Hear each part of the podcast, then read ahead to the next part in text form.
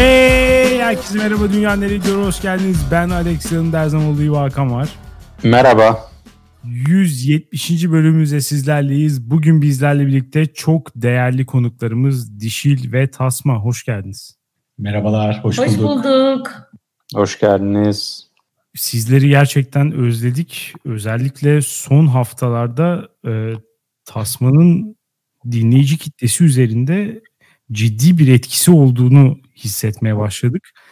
Gerçekten adeta hani Türkiye'nin en güvenilir isimleri listesinde Haluk Levent, Uğur Dündar ve e, Oytun Erbaş'ı geçerek birinci sıraya tırmandığını görüyoruz. Yani çok büyük bir özlemle birlikte bir inanılmaz bir sevgi var Tasma'ya. O yüzden acilen programa almak zorundayız gibi hissettik.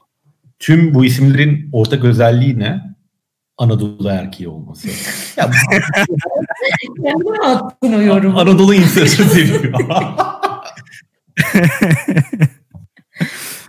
Evet, e, geçtiğimiz haftanın konularıyla başlayalım. Aşı karşıtlığı dünyayı kötüye götürüyor çıkmış %90'la. 5 dakikaya geliyorum cümlesi de yine kötüye götürüyor çıkmış %58,5'la. Ama bunların yanında bir de başka sorular da sormuştuk bu haftaya özel. Onlar da şunu şöyleydi. Dedik ki mesela bir numaralı soru Bill Gates en azından kısa bir süreliğine tutuklanmalı mı? Aşı e, karşıtlığının azaltılması için sorduk bu soruyu. %75 hayır, %25 evet çıkmış. Ee, %25'lik bir kitle Bill Gates'in şüpheli hareketlerine uyanmış. Bunu açıkçası bir ay sonra sorarsak mesela %45'e 55 çıkacak diye düşünüyorum. Bill Gates tutuklanmalı çıkacak %45. 3 ay sonra sorarsak %75 Bill Gates kesinlikle tutuklansın çıkacak. Bundan eminim. Ya bütün halkımız yemez Alex. Öyle Afrika'da boktan içilebilir su üretip de susuzluğu gidereceğim çalışmaları falan. Bunları biz yemeyiz. Bu numaralar maalesef tutmaz. Anadolu'da tutmaz değil mi Tasma? Biz yemeyiz bunları ya. ee, ikinci soru. Covid aşısı herhangi bir aşıyı seçebiliyorsunuz. Hangisini isterseniz. Olur musunuz? Sorusu. %80 evet çıkmış. %20 hayır. Yani %20'lik bir aşı karşıtlığı burada söz konusu. Aslında aşı karşılığı demeyelim. Belki de değiller. Ama istediği aşıyı seçme hakkı var. ha istediği aşıyı seçme hakkı varsa ve %20 diyorsa aşı karşıtı net. Özür dilerim o kısmı kaçırmış. Sen hangisini olurdun? Valla şu an içim bir Pfizer'e kaynıyor. en çok onun hakkında bir şey okudum herhalde. Moderna'ya da bir bakmak lazım. O da ikinci memleketimden çıktı sonuçta. Ama Sinovac böyle sanki alnımda üçüncü bir göz çıkaracakmış. Bir gönül gözü. Korkusu yapmıyor değil. Bilmiyorum artık yaşayıp göreceğiz. Ama şu gerçekten çarpıcı değil mi sizce? Herhangi bir aşı yani bütün dünya bu hastalığa aşı üretmek için uğraşıyor. Biz de diyoruz ki istediğin hangi aşıyı olabilirsen olacaksın. Ona rağmen %20 diyor ki ben hiçbir aşı olmayacağım. Olmam diyor. Asla aşı olmam diyor. Kendine güveniyor bu kitle. Mu yoksa e, ya aşıya karşı ciddi bir şüphecilik var bence. Biraz korkuyor insanlar aşı olmaktan. Bilmiyorum ben şunu da anlayışla karşılayabilirim aslında. Genç, risk grubu değil, aşı olmama ne gerek var deyip aşı olmayabilir. Sonunda sen aşıyı olduğunda yine bulaşıcısın değil mi? Yani kaptın, Hayır. semptom göstermiyorsun. Emin değilim Ama ondan. orada da bulaştırma derecen azalıyor galiba Hakan. Evet, evet aynen. Tam emin değilim. Hmm. Çok hızlı bir şekilde antikorların yüklendiği için e, çok bulaştırıcı olmuyorsun hiçbir evet. şartta. Bilimsel kısmını size bırakıyorum.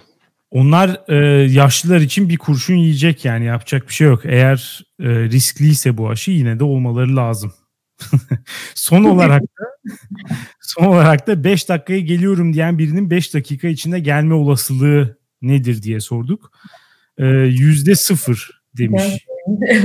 Halkımızın yüzde 86'sı yüzde sıfır olduğuna karar vermiş. Bu e, anket soruları yakın bir arkadaşımızın doktora tezi için kullanılacaktı. Katıldığı için çok teşekkür ediyoruz. Ee, beklediğimiz yönde gelmiş aşağı yukarı. Dünyaneregidiyor.com'a gelen yorumlara bakalım. İmam hatipler kapatılsın demiş ki tuvalet terliğinden dildoya kadar her şey Çin malıyken aşının Çin malı olmasında zerre sakınca görmüyorum. Ayrıca kanayan güllü kandil mesajlarından sexting sırasında atılan nude'lara kadar her haltın kayıt altında tutulduğu dünyada Bill Gates lütfedip bize çip takmaya karar vermiş çok mu yani demiş. Ee, ya baştaki objeler bizim sağlığımıza çok bir zararı yok yani. Abi yani RNA'ini falan değiştirmiyor değil mi? Yani hücre yapımında bir mutasyona yol açmıyor. O Benim bildiğim kadarıyla hayır. Ya bu bu arada gazetelerde belli aralıklarla şu haberlerde çıkmıyor mu? Çin'den üretilen, Çin'de üretilen çocuk oyuncaklarının kanser yaptığı ortaya çıktı falan. Evet. Olabiliyor. Bunlar acaba yerli malına yöneltmek için mi? Yerli aşı. Hepsi Ercüment Ovalı'nın neydi? Ovalı neydi? evet doğru doğru. Yalnız aşısına laf eden insanların hepsinin evindeki Xiaomi otomatik robot süpürgeleri alacağım. topluyor. Tutarsızlık olmaz. Ee, Şu an DNG podcast dinliyor. evet. Öbür savuna ne diyorsunuz? Bill Gates lütfedip bize çip takmaya karar vermiş çok mu? diyor. Ama arkadaş şunu ıskalamış. Bu takılan çipler sonucunda 5G e, vericileriyle bize takılan çipler etkileşime giriyor ve bu sebeple biz Covid oluyoruz. bu kısmı atlamış yani arkadaş. Bunlar yani şimdi bu Covid-19 yarın öbür gün belki daha ölümcül bir hastalık olacak. Ee, ve bu bizim vücudumuza takılan mikroçipler ve 5G e, alıcı vericilerinin etkileşimi sonucunda olacak. 5G ya, var mı ya? Yok getirmeyelim o zaman 5G. Çipi takalım Covid'den korunacaksa 5G'siz yaşarız. Nedir bu? Bence çok yüksek bir şey yok. Burada hakikaten 5G var mı yok mu? Telefonumu yok. alıp kontrol ettim. 4G'ymiş. evet tamam. şu an yok. Şu an biz e, Türk işi 4.5G'deyiz. Başka Bence herhangi bir yerinde olmayan.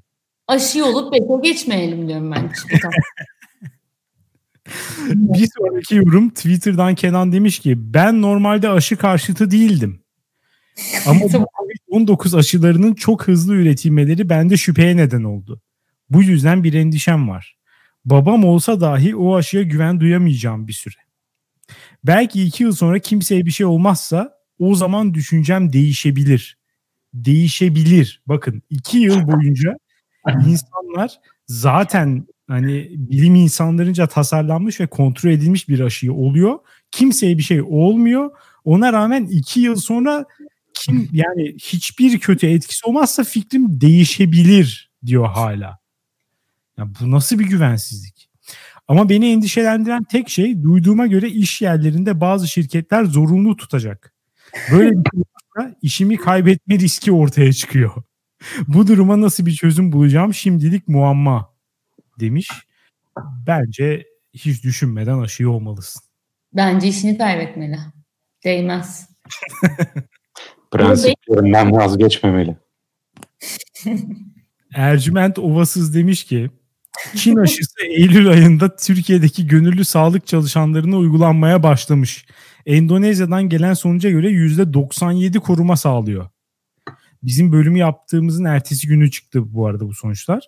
Gördüğüm tüm doktorlar hangi aşıyı en çok olabilirsem onu olacağım diyorlar. Peki bu gerçekler bizim Alman hayranı halkımıza söker mi? Sökmez tabii. Sadece Alman aşısına teslim edebilirler kendilerini. Almanya'dan aşı diye isterse bok gelsin damardan alırlar. Überalles. Her halk hak ettiğini yaşıyor. Annem babam aşı olsun da bu Necip millet isterse iki sene daha kelle paça takılabilir. İyi yayınlar dilerim demiş. Ee, birazcık bu Çin aşısı şüphesine agresif yaklaşan bir kullanıcı. Agresif yaklaşmış. Süleyman Soylu tadında bir yorum. Oh paralar Almanya'ya gitmiyor oh diyor. Senin hitabetin iyi. Sana bir siyasi parti sözcülüğü yakışır. e, bekletilmekten hoşlanmayan bir dinleyici demiş ki tüm bir hafta dinleyiciyi bekletip salı günü bu hafta yeni bölüm yok eskilerle idare edin diye tweet atan Alex mi bekletilmekten yakınıyor? Epic Jim Alex'i beklettiğin o her bir saniyenden öpüyorum seni demiş. Ee, yani Epic'i tanısan hiç onu öpmek istemezdin bence sadece onu söylüyorum. Katılıyorum. E, G'de demiş ki yeni bir aşının yan etkileri hakkında endişeler yaşayan herkesi haklı görüyorum. Fakat bize çip takacaklar diye yaygara koparanları cidden anlamıyorum. İnsan bunu söylemeden önce bana kim neden çip taksın demeli bence. en makul yorum yapmış. Nasıl yani? Sen şunu mu söylüyorsun? Yani bizim Facebook'larımızdaki mesajlarımızı, vola attığımız paylaşımlarımızı falan Facebook hepsini takip etmiyor mu? Ediyor tabii de. Ya çip sanki bunu yapmak için yani bu sınıfa girmez gibi. Çünkü zaten tüm bilgileriniz var hani Facebook'ta, Instagram'da. Bir de çift bilemiyorum ben. Ama tabii yüzde yüz emin olamıyor insan. Bilal demiş ki en az antikor oluşturan aşı bile hastalıktan iyidir. Kısır yapmayan tüm aşılara okeyim. Zaten aşının kısır yapması pek mümkün değil. Tabii yine de işin içinde Bill Gates var mı bakmak lazım demiş. Ee, kesinlikle hepsine katılıyorum. Yani her aşı iyidir. Kısır yapmayan tüm aşılara okeyim. Zaten aşı kısır yapmaz. Ama bir şey söyleyeyim. Kısır olmak istiyorsanız kısırlık aşısı yaptırabilirsiniz tabii. O zaman iyidir kısır yapması işte. Onu Bill Gates yapıyor değil mi direkt? Galiba ama adına kısırlık demiyor olabilir. Yani siz yine de dikkat edin. Kıs, kısırlık aşısı diye bir şey yok yahu. Ayrıca araştırdım biliyorum. Vasektomi var direkt. Bilal hayatını üreme üzerine kurmuş bir yorumcu. O yüzden bu açıdan yaklaşmış bu tüm bu aşı muhabbetine. Tebrik ediyorum kendisini. Bol çocuk diliyorum buradan. Peki e, şeyi soracağım. Dişil ve Tasma siz de Bill Gates'in inanılmaz e, güvensiz bir insan olduğunu yani hiçbir şekilde güven e, telkin etmeyen insana yani gördüğü zaman gerçekten panikleten bir insan olduğunu ve dünya aşı seferberliğinin yüzü olmaması gerektiğine katılır mısınız? Ben katılmıyorum ya. Yani Bill Gates'ten çünkü aşırı zengin. Hani sınıf kinim var falan okey ama yani gayet mahzun, mütevazi, öyle Steve Jobs gibi aşırı iddialı da değil. Kendi halinde nispeten böyle sakin olmaya çalışan bir insan evladı gibi duruyor. Tek kusuru aşırı zengin olması. Biraz Niye? Anadolu erkeği diyebilir miyiz bilgesi? Şey diyebilir belki Midwest erkeği diyebilir miyiz? Melinda Gates Foundation dediğimiz kurumu en çok çalışmalarıyla bilsek de yani bu dünyanın en büyük filantropik kurumlarından biri ve aklınıza gelebilecek Türkiye'de bile en sıradan derneğe fon veriyor olabilir yani hani aslında ne bileyim sandığımızdan daha da yakın. Ya Bill Gates'in o geek havası bana biraz güven veriyor galiba dürüst konuşayım. Hani öyle mi? Bana da tam tersi açıkçası.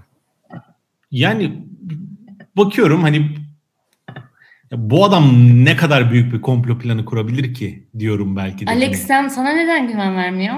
Ya bana e, tipi konuşmaları ve sahip olduğu para miktarı e, maalesef hani hedefsiz kalmış bir insan görüntüsü veriyor. Benim en çok korktuğum kişi de budur yani hedefsiz kal. Motivasyonu yok adamın hayatta. Dolayısıyla saracak bir şeyler arıyor. Gayet gerçekten e, çok feci şeylere kafayı takmış olabilir.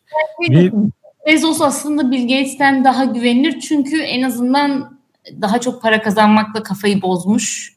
Kesinlikle. Ya Jeff Bezos mesai evet mı diyorsun? Evet Jeff Bezos çalıştırdığı insanları sömürmek üzerine ve e, servetini artık hani ona yüze beş yüze falan katlamaya konsantre olmuş bir orospu çocuğu. Yani hani o o oradan yürüyor. Hmm. Ama Bill Gates'te o yok. Öyle bir motivasyon yok. O beni daha çok korkutuyor. Sende biraz denobluk mu var acaba? Evet, son yoruma geçelim. Memento demiş ki bu podcast'i iki yıla yakındır takip ediyorum.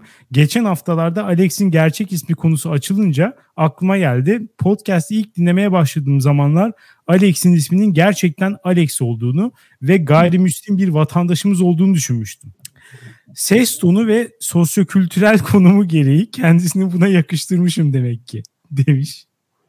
Ya nasıl bir ses tonu bu? Yani Alex e, bir Ermeni veya Rum adı olabilir ama ben nasıl konuşuyorum? Yani Vre Hakan falan mı diyorum? Kadınları ve sözlükleri iki kere öldürün falan mı diyorum? Normal konuşuyoruz yani. e, demiş ki sonra maalesef öğrendik ki Alex sadece bir nickname'miş. Bence Alex'in gerçek ismi Taylan demiş. E, yanlışlarla dolu bir mesaj. hangi, hangi kısmını yalanlayacağımı bilemedim maalesef. E, direkt olarak Dişil ve Tasman'ın bu hafta konusuna geçebiliriz. Ben girişi yapayım. Yani yine Dişil'le ayrıldığımız konulardan birini getirdik. Bugünkü konumuz akrabalık ve akraba sevgisi. Şimdi ben hem çekirdek ailemle hem de geniş ailemle daha yakın bir bireyim. Hani severim, ararım, yanlarına gitmek isterim. Bayram tatillerini kesinlikle onları görmek isterim. Ve yani bundan keyif alıyorum. Utanmıyorum, söylüyorum. Evet, seviyorum akrabalarımı. Onlarla vakit geçirmeyi de seviyorum. Dişil bu konuda biraz daha mesafeli. Yani özellikle geniş çevresiyle daha az görüşmeyi tercih ediyor. Yok dar çevrem evet, evet. Çevresiyle de daha az görüşmeyi tercih ediyor. Dar akrabalar. Yani bunların haklı sebepleri var. Hani ve o sebeple dişilin bu tercihi de doğru ve mantıklı onun için. Ama ben şeyi görüyorum etrafımda. Hani özellikle genç jenerasyonda hani akrabayı sevmek, akrabayla vakit geçirmek ve hani bu geniş aile kavramına da değer vermek ezik bir şey. Bu olmamalı. Ben buna karşıyım. Yani nasıl bir insan arkadaşlarıyla vakit geçirmeyi tercih edebiliyorsa ve buna çok vakit, emek ayırmayı tercih edebiliyorsa ailesine, geniş ailesine de bunu yapabilmeli.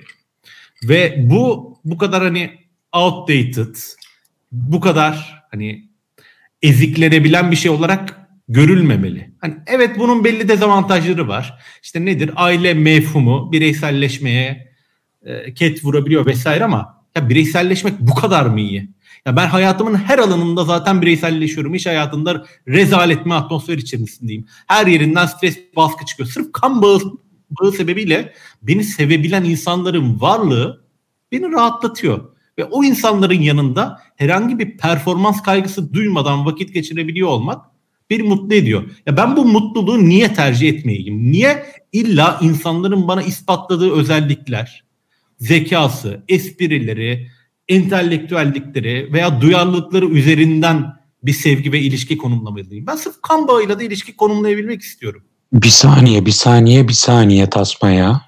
Dolmuş. Neler, neler neler yaptın. En azından üç tane şey çıkardım burada. İlkinden başlamak istiyorum. Ee, sen kendi yakın ve geniş ailenle görüşüyorsun. Dişil görüşmüyor.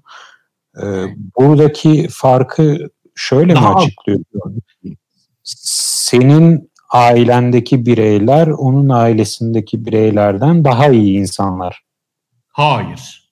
Benim benim, benim ailemdeki bireylerle olan geçmiş deneyimlerim dişilin geçmiş deneyimlerine göre daha iyi. Anladım. Fatma'nın daha iyi bir insan olması olabilir. Ailesinin daha iyi bir insan olması olabilir. Ya da iki tarafında iyi ya da iki tarafında kötü olması ve birbirine uyum sağlaması da olabilir. Ama benim derdim şu. Ben Alex'e, Hakan'a gidip ya annem babamla vakit geçirdim deyince dişilin X ile Y ile vakit geçirdiğimine göre gö- söylerken daha çekiniyorum. Bunun yargılanmasından daha çok Duydun korkuyorum. Be? Abarttın şu an. Biraz ajite etmeye başladın. Evet. O zaman ikinci, ikinci konuya gelelim. Dişil. Sen ailenle görüşmekten utanç duyuyor musun?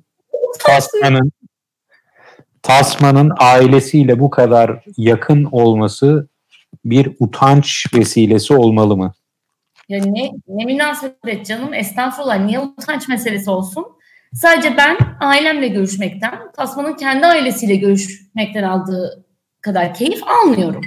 Benim için saatler daha zor geçiyor. Ee, benim için ailemle görüşmek birçok zaman özellikle de yani bu kardeşim değilse belki annem babam değilse ki annem babamın yanında bile bazen e, bir performans. Ben mesela Tasman'ın dediği gibi ailemin yanında kendim olabildiğimi düşünmüyorum. Olduğundan hmm. almam gerektiğini düşünüyorum. Ya Aa. evet burada şey olayı var bence gerçekten de. Ee, herkesin ailesiyle ilişkisi başka. Bu da çoğunlukla bence geniş ailesinin nasıl insanlardan oluştuğuna göre belirleniyor. Yani benim mesela kendimden örnek vereyim. Ee, ailemin anne tarafıyla mesela ilişkim nispeten daha yakın. Baba tarafıyla ilişkim nispeten daha uzak. Yani buradaki e, işte mesela hani kuzenler, teyzeler, halalar falan kattığımız zaman hani bazı insanlar sana daha yakın olur, bazıları daha uzak olur. İşte ona ona göre değişiyor bence hakikaten. Dolayısıyla Ama böyle şey alamayız. Yakın ee, uzağa geçelim bence Alex. Burada e, önemli olan onların yanında sen Dişil'in dediği gibi bir performans göstermek zorunda hissediyor musun kendini? Performanstan kastım şu an burada nasılsan onların yanında öyle olabiliyor musun? Anladığım kadarıyla tasma olabiliyor. Bence Öyle. tam olarak buna göre değişiyor ama. Mesela yani ben kendi açımdan söyleyeyim. Ee, bazı insanlarla ilişki kurarken kendim olamıyorum. Yani onlar yanında daha farklı davranmam gerektiğini hissediyorum. Ama e, nispeten daha iyi anlaştığım akrabalarımın yanında çok daha kendimi rahat hissederek hani gerçekten böyle bir şey e, ya Tasman'ın dediği şuna katılıyorum cidden ben de sadece kan bağının vermiş olduğu ve küçüklükten bu yana beraber yaşamının vermiş olduğu her ne kadar farklı insanlar olsak da çok rahat iletişim kurabilme ve hani filtresiz bir şekilde kendimiz olabilmenin önemi bence az bir şey değil. Hani yatsınamaz. Ama her akrabayla da böyle olmuyor. O yüzden de hani herkesi aşağı yukarı anlayabiliyorum bu konuda. Akraba bence çok çok azdır yani. Bu loto gibi bir şey. Şans bence de şans evet. Bir tane yok böyle oldu. Ben o zaman üçüncü bir yol önerebilir miyim? Üçüncü bir yol tarif etmek istiyorum. Bir, kendin olabildiğin akrabaların yanında yol var. Bir, e, hiçbir şekilde kendin olamadığın bir yol var. Ben de diyorum ki ben bazı akrabalarımın yanında tam hani kendim olmasam bile keyif alıyorum onlarla olmaktan. Neden bu yola karşıyız? Neden? Her an Buna kendi olma, her an filtresiz olma, her an arkadaşlarımızla berabermişiz gibi davranma güdüsü nereden geliyor? Ben buna ben... da katılıyorum Hakan. Geçmişinde, çocukluğunda ya da gençliğinde bıraktığın bir kimliği yaşayabilmenin tek yolu o insanlarla beraber olmak belki de. Mesela ben ailemin ya da geniş ailemin yanında birçok zaman şaklabanım şaklabanlık kimliğini de yalnızca onların yanında yaşayabiliyorum. Hadi canım. Hani ona pek bulamadım şu an. Evet. İnanmaz buradaki. Ama şeyi de yani sevdiğim bir performansı onların yanında sergileyebiliyor olmak da güzel bence. Katılıyorum buna. Ama bu kendin olmak ki bir bakıma da işte sen şaklaman olmayı zaten seviyorsun. Ve seni sevdiğin bir yönünü olmaya zorluyorlar. Doğru. Ne güzel işte sonuç olarak. Ama akraba... öyle o çok nadir olan bir şey işte bence. Ya öte yandan bir de şöyle bir durum da var. Mesela e, benim ailemle ilişkileri yani geniş ailemle ilişkilerimde şunu çok fazla e, yaşadım. Ya etrafımdaki normal şart, şartlarda günlük hayatımda etrafımdaki insanlardan çok daha farklı insanlar. Gerçekten geniş ailem. Evet. Ee, daha farklı dünya görüşü, daha farklı işte siyasi angajmanlar, daha farklı e, sosyoekonomik durum falan her açıdan yaşadıkları yer falan ya bir sürü açıdan daha farklı bir dünyaya aitiz onlarla ben. Dolayısıyla onu da hani sevdiğim insanlarla beraber onu da tanımak ve deneyimlemek inanılmaz bir şey bence avantaj tanımak için ailemle yani günlerce beraber küçük bir evde 17 kişi kalmamıza gerek yok yani bayramlarda falan. Atıyorum. Bir dramatik bir aile yapısıymış. değişik insanlarla beraber olmaya mecbur kalıyorum yani. ya ben de mecbur kalıyorum ama onu ben olumlu bir şey olarak görüyorum. O da işte bilmiyorum ben e, hakikaten kendimi şanslı addediyorum bu konuda. Bence benim mesela geniş ailem e, aşağı yukarı iyi insanlar. Mesela şey bir dayım yok böyle. Bütün aileyi dolandıran ve işte dedemin ve anneannemin servetini haksız bir şekilde kendi payına geçiren falan. Burada iki iddiam var.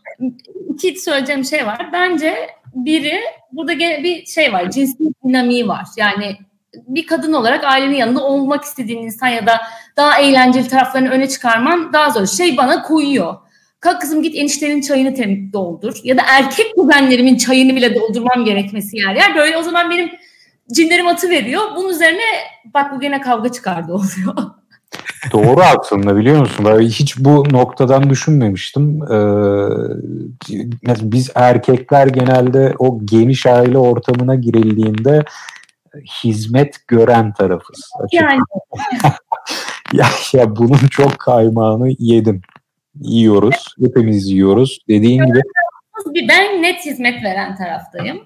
Hani ve hem hizmet mesela hizmet gören taraftaysam belki ırkçı muhabbete maruz kalmak daha az koyuyor olabilir. En azından bir taraftan falan.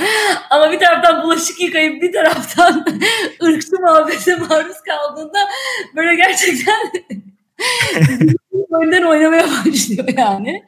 Yani mesela bizde mesela öyle bir durum da yok. Çünkü e, işte 8 kuzeniz bir tek benim kardeşim kadın. Onun dışında 7 erkek var. Dolayısıyla hizmet alan, hizmet veren falan karışmış durumda tamamen. Yani hiçbir şey yok. Orada bir şey yok. Ee, kullanılabilecek kadın sayısı çok azaldığı için mecburen erkekler de kullanılmaya başlandı. Ya ama o kuzenlerinin anneleri yok mu? Ya var ama onlar yetişemiyor o kadar büyük bir kalabalığa. Dolayısıyla yardıma ihtiyaçları oluyor. Ben de genelde mesela yaştan dolayı. Bu sefer küçük olanlar. evet. Ben o yüzden hep ben de mesela e, hizmet veren taraftayım.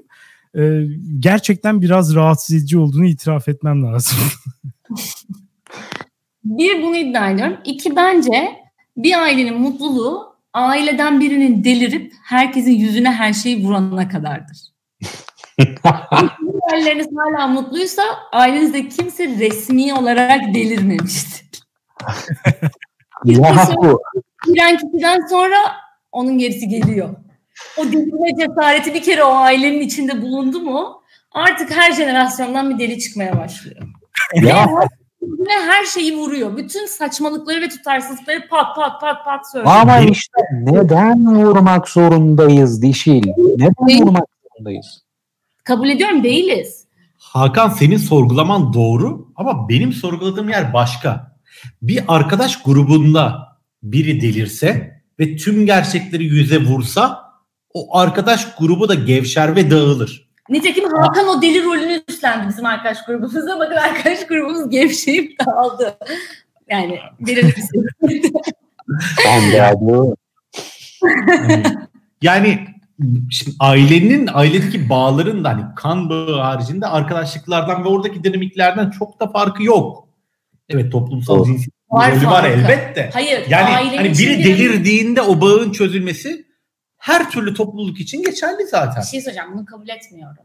Çünkü arkadaşta ne olursa olsun daha karşılıklı bir rıza var. Diğerinde kan bağı tamamen lotoya düşmüşsün. Herkes lotoyla birbirine bağlı. Hiç kimse birbirini kimseyi seçmemiş. Tamam. Ben şunu istiyorum. Bir de cost of exit çok fazla arkadaşlık. Aman ailede. Arkadaşta öyle değil. Kimsenin seçmediği bu bağın devamı için ben rıza gösterebilirim. Benim bu rızam niye ezikleniyor? Ya eziklemiyor ki sizin ya aslında orada bir eziklenme değil de e, ya şunu genelde insanlar söylüyor. E, herkes bu kadar şanslı değil. Dolayısıyla oradan bence bir şey var. Daha şanssız insanlar daha şanslı insanlara birazcık şey yapıyor. Yahu ee, peki şu an yine geniş aileden bahsediyoruz gibi geldi ama biraz daha yakına inelim. Yarın öbür gün eğer ki çocuğun olursa dişil. Buna da bir loto gözüyle bakıp eğer 16 yaşına geldiğinde ki çok muhtemel geldiğinde çok büyük çatışmalar yaşayacaksınız. Evet.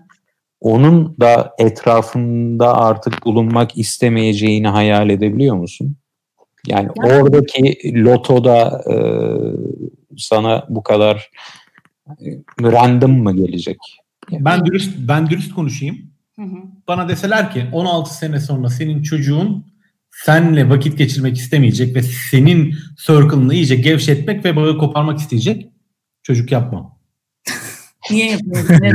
ben zaten Bu arada ben, ben yaşlanınca çocuk benimle vakit geçirebilsin, öğrenebileceğim, Dünyamla vakit geçirebileceğim, olsun. dünyayla bağımı kurabilecek biri olsun diye yapıyorum. Aynı değil. Köpek alırım yoksa. Ya bu arada buna kızıyorum. Ben bana öyle deseler çocuğun seni bırakacak, sen tiksinecek, gidecek Sen niye yapayım ki? Ama risk alıp yapmıyor musun çocuğu? Bilmiyorum ki. Ama Hakan bu soruya cevabım yok. Yani şöyle yok.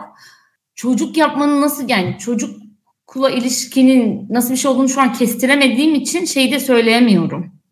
İşte ben de onu soruyorum. Yani biraz bir hayal etmeye çalış. Çocuğun sana geliyor ve diyor ki anne ya ben loto olarak doğdum sana. Seninle başka ne bağım var ki? Dünya görüşlerimiz bambaşka. Benim şu an arkadaşlarımla hiç e, yani benim arkadaş çevrem, senin arkadaş çevrem bambaşka. Jenerasyonlarımız değişik. Anlaşamıyoruz. Bu bir loto. Lütfen görüşmeyelim dese. Bu konuda dürüst olmak gerekirse e, şeyi biraz daha galiba farklı tutuyorum. Orada kaçınılmaz bir sorumluluk varmış gibi hissediyorum. Düşünüyorum değil de hissediyorum. Anne, baba, kardeş bir de şey anneanne, babaanne, dede. Onlarla daha böyle sanki göbekten bağlayayım da yani istesem de kaçamam o yüzden böyle mecbur ol ve bir ilişki formu oturtur. Ama geri kalanlar böyle olmasa da olur gibi bir e, galiba. Bilmiyorum. bu arada bence bu ilişkileri e, ikinci kılan şey açıkçası tam olarak da bu. Ya bunların böyle komple lotodan çıkmış olması. Yani normal şartlarda bu ilişkileri kesinlikle kurmazsın. Mümkün değil. Birçoğuyla denk gelmezsin. Denk geldiklerinde muhtemelen kafanı öteki tarafa çevirirsin ama akraba olduğun zaman mecbur kalıyorsun. Dolayısıyla normalde maruz kalacağından daha farklı şeylere maruz kalıyorsun. Bu da bence olumlu bir şey ya. Yani senin normal şartlarda karşılaşamayacağın şeylerle karşılaşman güzel bir şey. Yani ben açıkçası bundan şu ana kadar hiç zarar görmedim. E, yani şey bile olsa anlık rahatsızlık bazen veriyor gerçekten. Özellikle böyle işte mesela bayramlarda böyle ekstra şey olur ya. Hani uzak akrabanın da daha uzağa ziyarete gelir. Hayatında total 3-4 kere gördüğün insanlar vardır mesela. Adam geliyor senin dedeni ziyarete gelmiş mesela. Geliyor kafa sikiyor. Ya o adamla bile aynı ortamda olmak çok da kötü bir şey değil. O ya, yarım o... saat içerisinde. Alex sen de bu aile ilişkilerine e, tam bir kiralık katil soğukkanlılığıyla yaklaşıyorsun. Antropolojik çalışma yapıyormuş gibi. Farklı kültürleri deneyimliyorum. Farklı insanlar görüyorum. E, üzerine düşününce keyif verdiğini görüyorum yani işte bu insanlarla bir arada olmanın. Evet ama çok faydacı bir keyif seninki anladığım kadarıyla. Farklı kültürleri tanımak gibi. Ben daha bir tatmaya yakınım. E, o kan çekiyor beni. Açıkçası yani ben şeyi düşünüyorum. Atıyorum sevmediğim bir teyzem olsun. Yani mesela bayram oldu. Zaten hani haftalık yani kimin ne kadar izni var, ne kadar tatile gidilebiliyor bu zaten tartışmalı. İstemiyorum ya beraber geçirmek.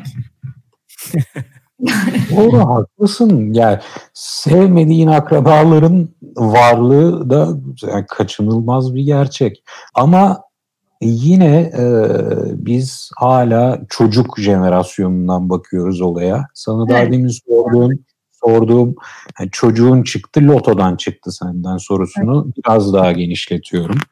Senin bir kardeşin var. Hı hı. Oldu ki o da bir çocuk doğurdu. Sen de bir çocuk doğurdun. Hı hı.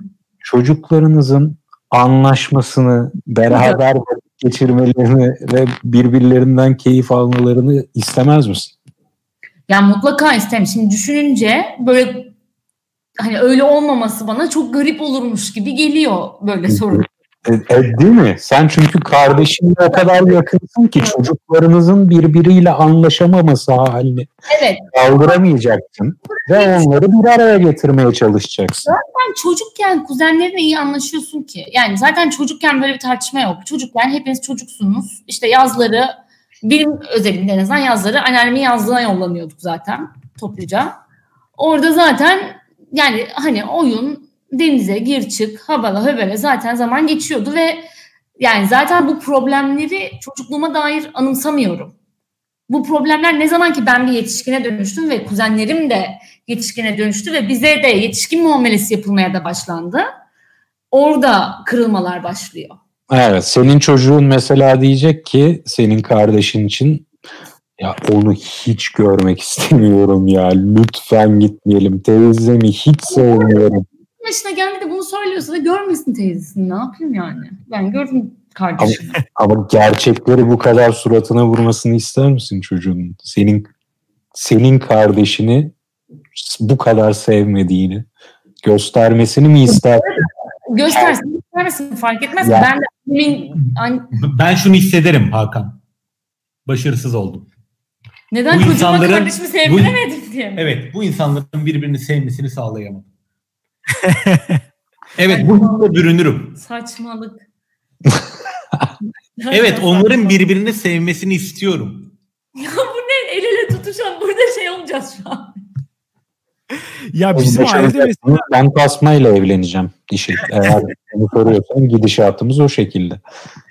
Ya biz, bizim ailede çok benzer şeyler yaşandı bu arada. Çok büyük krizler de olmadı ya. Yani hani şey oluyor. Bir şekilde halloluyor. Yani birisinin kardeşin diğerini sevmemesi çok da o kadar bence büyük olaylar değil yani. Bence de Çocuğun eğer o kişiler böyle 25-30 yaşına falan geldiyse artık işte sevmedikleri insanlar da 55-60 yaşlarına geldiyse zaten muhtemelen e, mesela bu örnekte dişil de kardeşine karşı belli bazı şeyler besleyecek. e, negatif düşünceler besleyecek. Dolayısıyla çocuğunun da onun kardeşine karşı beslediği düşünceleri daha anlayışla karşılayacak. Diyecek ki evet yani senin teyzen e, birazcık böyle bir insan. Evet falan diyecek. Daha anlayışla karşılayacak yani. Ha, şunu Biz de diyorsun. yani mesela. Ee, ya biz de aile kurdukça gitgide biz kendi çekirdek ailemize odaklanacağız. Yani kardeşin, ablan, abin bunlar da önemini yitirmeye başlayacak mı demek istiyorsun? Yani nispeten öyle oluyor ama yine de asgari müştereklerde bir araya gelmemiz gerekiyor yani. Hani o da hiç fena değil bence. İşte bayramdan bayrama falan. Bence mesela buradaki en kritik nokta o. Yıllar geçtikçe işte kuzenlerimizle, teyzelerimizle, bilmem nelerimizle falan görüşmelerimizin şeyi birazcık azalıyor. Azaldıkça bence daha güzel oluyor. Bunlar Aslında böyle bir olmuyor. Hı? Bir yaşama formunuzdan bahsetmek ister misin? Extended family yani büyük aile olarak. Ya hayır azalıyor. Ne yazık ki azalıyor. Azalmak durumunda hani başka bir aile kuruyorsun vesaire ama mesela bizdeki benim en büyük izlerimden biri şu. Her bayram tatilinde 3 hafta önce ben kağıdı kalemi alıyorum. Hangi gün aileyleyiz? Hangi gün tatildeyiz? Hesaplar. Of büyük hesaplar. Yani tabii canım hani orada hem hani büyük aileyi memnun edebilmek hem kendi çekirdek aileni memnun edebilmek. Hani dişilin de bahsettiği şu hani orada mesela bayram tatilinin iki günü geniş aileyle mi? O iki gün biraz yoğun geçiyor. Halaya, amcaya, anne babaya, kuzenlere, kuzenlerin çocuklarına derken zorlu bir maraton o. Kabul ediyorum. Biraz yoruluyorum. Peki geniş aileyle bu kadar münasebeti sevmeyen eşin, dişilin senin bu aile ziyaretlerine katılmaması seni nasıl etkiler? Bunu anlayışla karşılar mısın yoksa? Da belirtmek isterim. Bu aile ziyaretlerine sadece katılmakla kalmıyorum. Bu aile ziyaretlerinin yıldızıyım. Öyle. Herkes beni bekliyor. ya ortamlarda şovumu yapıp madem buradayım hakkını verilecek. Hakikaten öyle. Mü- müthiş bir performans. Yani hiç yalan konuşmaya gerek yok. Üzülürüm. dişil de bildiği için genelde katılıyor. Hakan senin de geniş aileci olduğunu biliyoruz. Burada yıllardır cool, bohem bir görüntü veriyorsun ama... Öncesinde şunu da söyleyebilir miyim? Bu arada bu yapılırken ben asla şey tar istemediğim için yani e, kendim ailemle yakın bir ilişkim kurmadığım için ve aynı zamanda da Tasman'ın da böyle bir ilişki kurmasını da talep etmediğim için asla aynı hani bayram performansı veya genel aile performansı hani replike olmuyor benim tarafımda. Ama ben hazırım bunu replike etmeye. Hazırsın ve isteklisin gibi duruyor. Çok istekliyim. Bayılıyorum. Ya evet, bence öyle de aileciliğinden edelim mi? Benim tabii ben geniş aileyi severim. Ben sana yakınım e, bu konuda. Ne Alex'in o faydacı psikopat yaklaşımı, yeni kültürleri tanımak, farklı insanlar görmek şey. Efendim? Antropolog tavrı. Evet. Onun tavrına ben uzağım. Ben senin gibi. Yani benim kafamda aile, aileyi seversin. Senden ne kadar farklı olursa olsun. Tabii bu genişin de çizgisini nerede çektiğine bağlı. Belki sen daha e, geniş çekiyorsundur. E, ama yani ben severim, vakit geçirmekten de hoşlanırım. E, illa onların yanında, arkadaşlarımın yanında olduğum gibi olacağım diye de bir kaygı gütmem. Onların yanında keyifli vakit geçiririm. Filmleriniz mi çok ekstrem ya da burada gerçek bir cinsiyet dinamiği olduğunu düşünüyorum. Çünkü hakikaten e, yani benim ailemde böyle bak, bu kafanı bu tarafa çevir, bu taraftakinin dedikodusunu yapıyor. Bu taraftaki kişi. Sonra böyle dönüyorsun, buradakinin bununla dedikodusunu yapıyorsun. Böyle bir ortam oluyor. Abi benim ailem de öyle. Ben zaten onu seviyorum. ya iyi de bunun ucu seni de şey yapıyor bir yerden sonra ve nefes alamaz hale geliyorsun. Ee, ya bu bir de ne kadar ciddi sorunlara e, işaret ettiğiyle de alakalı bence. Kesinlikle aileler arasında çok büyük fark var bence. Yani aile ilişkileri arasında. De, neyin dedikodusunu yaptığım bile çok önemli bence. Yani bazı aileler çok huzursuz, çok işte fonksiyon edemez hale gelmiş durumda. Evet, buradaki fonksiyon mesela benim ailem çok fonksiyon edebilen bir aile değil. İşte öyle bir ailedeysen o zaman aileyle ilişkiler konusunda böyle demeni anlıyorum ben açıkçası. Ben o çok farklı bence ya. Benim ya dediğim gibi sizde öyle değil mi? Ee, anne tarafı, baba tarafı bile geceyle gündüz kadar farklı olabiliyor bazen duruma göre. Ya da işte bir işte akrabanın çocuklarıyla başka bir ilişki kurabiliyorsun. Diğer akrabanın çocuklarıyla bambaşka bir ilişki. Mesela benim hiç tanımadığım amca çocuklarım var ama çok iyi ilişkide olduğum amca çocuklarım da var. Şimdi bu ikisini aynı şekilde değerlendirmem mümkün değil yani. O şekilde denk gelmiş. Evet. Bu bir yani şans gerçekten. Bence bu ilişkinin de güzel yanı bu açıkçası. Hayatımızdaki diğer neredeyse bütün ilişkileri biz seçerek e, yaşıyoruz. İşte arkadaşlık, ondan sonra iş nispeten seçim, eş tamamen seçim. Ama işte bu tip şeyler bize hani havadan geliyor gerçekten. Şans eseri geliyor. Bu ilişkilerin de olabildiği kadar tadını çıkartmak lazım. Yani kötü olanlar bile bir şekilde ne bileyim ben açıkçası şakaya falan dönüştürmeye çalışıyorum. Çok böyle berbat ilişkiler de var ailemde. Olabildiği kadar hani olumlu kısmını falan çıkartmak lazım yani. Bilmiyorum ne yapılabilir ama bence burada böyle bir fark var. Yani herkesin ilişkisi kesinlikle aynı değil. Çok çok yakın olanlar da var. Çok sıkıntılı olanlar da var. Onlara da hani şey demek imkansız. Hani kan bağımız var birbirimizi seveceğiz falan. Abi bazı insanlar da sevilemez. Yani yapacak bir şey yok. Onlar öyle şeyler yapmış ki yani mümkün değil onlarla iyi geçinmek. Böyle insanlar benim ailemde de var. Mümkün değil yani artık. O noktaya gelmiş o ilişki. O zaman anladığın kadarıyla sen Tasman'ın akrabaları dişilin akrabalarından daha iyi insanlar demek istiyorsun. Ya evet. Bence öyle denk gelmiş evet. Böyle denk gelmiş yani. Buna yapacak bir şey yok. fonksiyon meselesi önemli. Ben oraya takıldım. Fonksiyon edebilmek. Yani çünkü bu fonksiyon edebilmekten kastı şu. Her aileden beklenen bir takım görevler var. İşte ne bileyim birinin düğününe up etmen. İşte cenazeye up etmen. Ee, bebeğine ziyarete gitmen. Hastalandığında araman. Bir... Kandillerde araman falan. Yani belirli belirlenmiş aile görevleri var. Evet. Ve bence aile yani fonksiyon eden ailede bu görevler koşulsuz şartsız yerine getiriliyor. Ne olursa olsun tüm kavgaya, dövüşe, gerginliğe, şeye rağmen bu görevler yerine getirildiği için de e, aile fonksiyonel bir yapı olarak tanımlanıp bir şekilde işlevselliğini sürdürüyor. Herkes de fonksiyon ettiği için öyle ya da böyle sürdürüyor bunu ya da saygı duyuyor bir şekilde öyle söyleyeyim herhalde benim ailem fonksiyon etmiyor. Ama Gerçekten etmiyor. O yüzden ben bunun şeyindeyim. Bunlar, fonksiyon etmeyen ailelerde olmuyor. Yani fonksiyonlara örnek verdiklerinin semboller olabilir ama bunun hakiki pratikteki karşılığı da bence dayanışabileceğini bilmek. Hani dayanışman gereken bir durum oldu mu olmadı mı bilmiyorum ama olman gerek olması olma ihtimalinde oraya gidebileceğini bilmek bence hakikaten işlevdeki sorgu. Hani kötü pratiklerde ve kötü fonksiyonlarda muhtemelen zor bir durumda dayanışabilir miyim? Bu şerefsizle olmaz diyorsun ve geçiyorsun ve o bağdan vazgeçiyorsun. Hani o sembollerden bağımsız olarak o kararı vermendeki temel faktör de bence dayanışabilme ihtimali. Tasma ben, benzer benzer yapılardan geliyoruz. Ben seni çok iyi anladım şu an. Aa, Kaan'ım.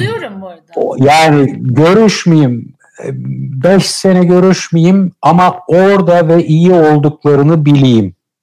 Ve 5 e, sene sonunda hiç görüşmesem bile zor bir duruma düşersem bana yardımcı olacaklarına güvenim tam. Ve ben de böyle bir yapıdan geliyorum. O yüzden seni çok iyi anlıyorum. Alex gibi pragmatik yaklaşırsam da böyle bir ilişki de aslında müthiş pragmatik. Neden? Az sorumluluğum var Sürekli olarak o ilişkiyi canlı ve diri tutmak için emek harcamak, zaman harcamak durumunda değilsin. Ve müthiş de bir güven kaynağı. Kesinlikle.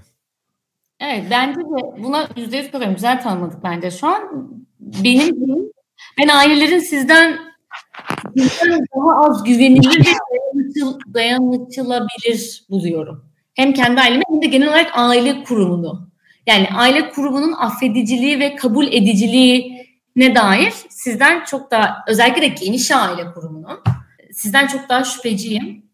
Ee, ve bu sebeple buna çok da gerek yok. Benim dayanışabileceğimi bildiğim, kendi seçtiğim zaten 50 tane insan var. Onlara sıra gelip onların önüne düşene kadar ben ooo. bu ben kesin. Ben sırf e, bir şey başıma gelecek de bütün arkadaşlarımı eleyeceğim de dayanışabileceğim. Hani bilmem kimi arayacağım diye her bayramımın iki gününü geçiremem yani. Kuzenlerinizin doğum günü kutluyor musunuz? Biliyor musunuz doğum günlerini? Daha iki gün önce kutladım bir tanesini. Ben genelde kutlamıyorum.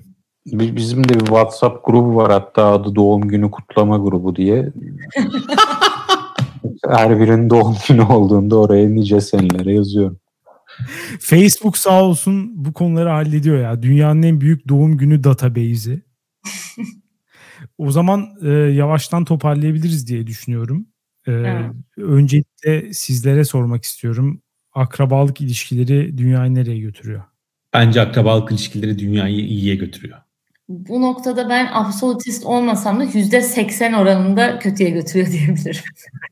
Hakan? İyi. Ee, ben de yani ben şunu kesinlikle bu kadar muhabbetin ardından yüzde yüz karar verdim artık. Şansına ne denk gelirse ona göre bu soruya cevap veriyorsun ama ben de iyi aile ilişkilerine sahip olduğu için ben de iyi diyeceğim. Ee, siz de dünyanereyegidiyor.com'a nasıl bir aileniz olduğunu ve onlarla nasıl iletişime geçtiğinizi yazabilirsiniz ve anketimize katılabilirsiniz. Dişil ve Tasma tekrar çok teşekkür ediyoruz geldiğiniz için. Biz teşekkür ederiz çağırdığınız için. Daima bir de. Bakalım bu toplantıdan sonra da Tasma'nın Türkiye'nin en güvenilir kişileri listesindeki. ya zaten o listeye oynadı şey boyunca. Şöyle Değerlerimiz. Tak, Bakanlık tak, teklif bekliyorum ben. Takvim gazetesi tutabilirim bu bölümün sonunda. Evet muhtemelen birincilik sırasına bir çimento döktü bu programdan sonra. Dinlediğiniz için teşekkür ederiz. Haftaya salı görüşürüz. Güle güle. Güle güle. Güle güle.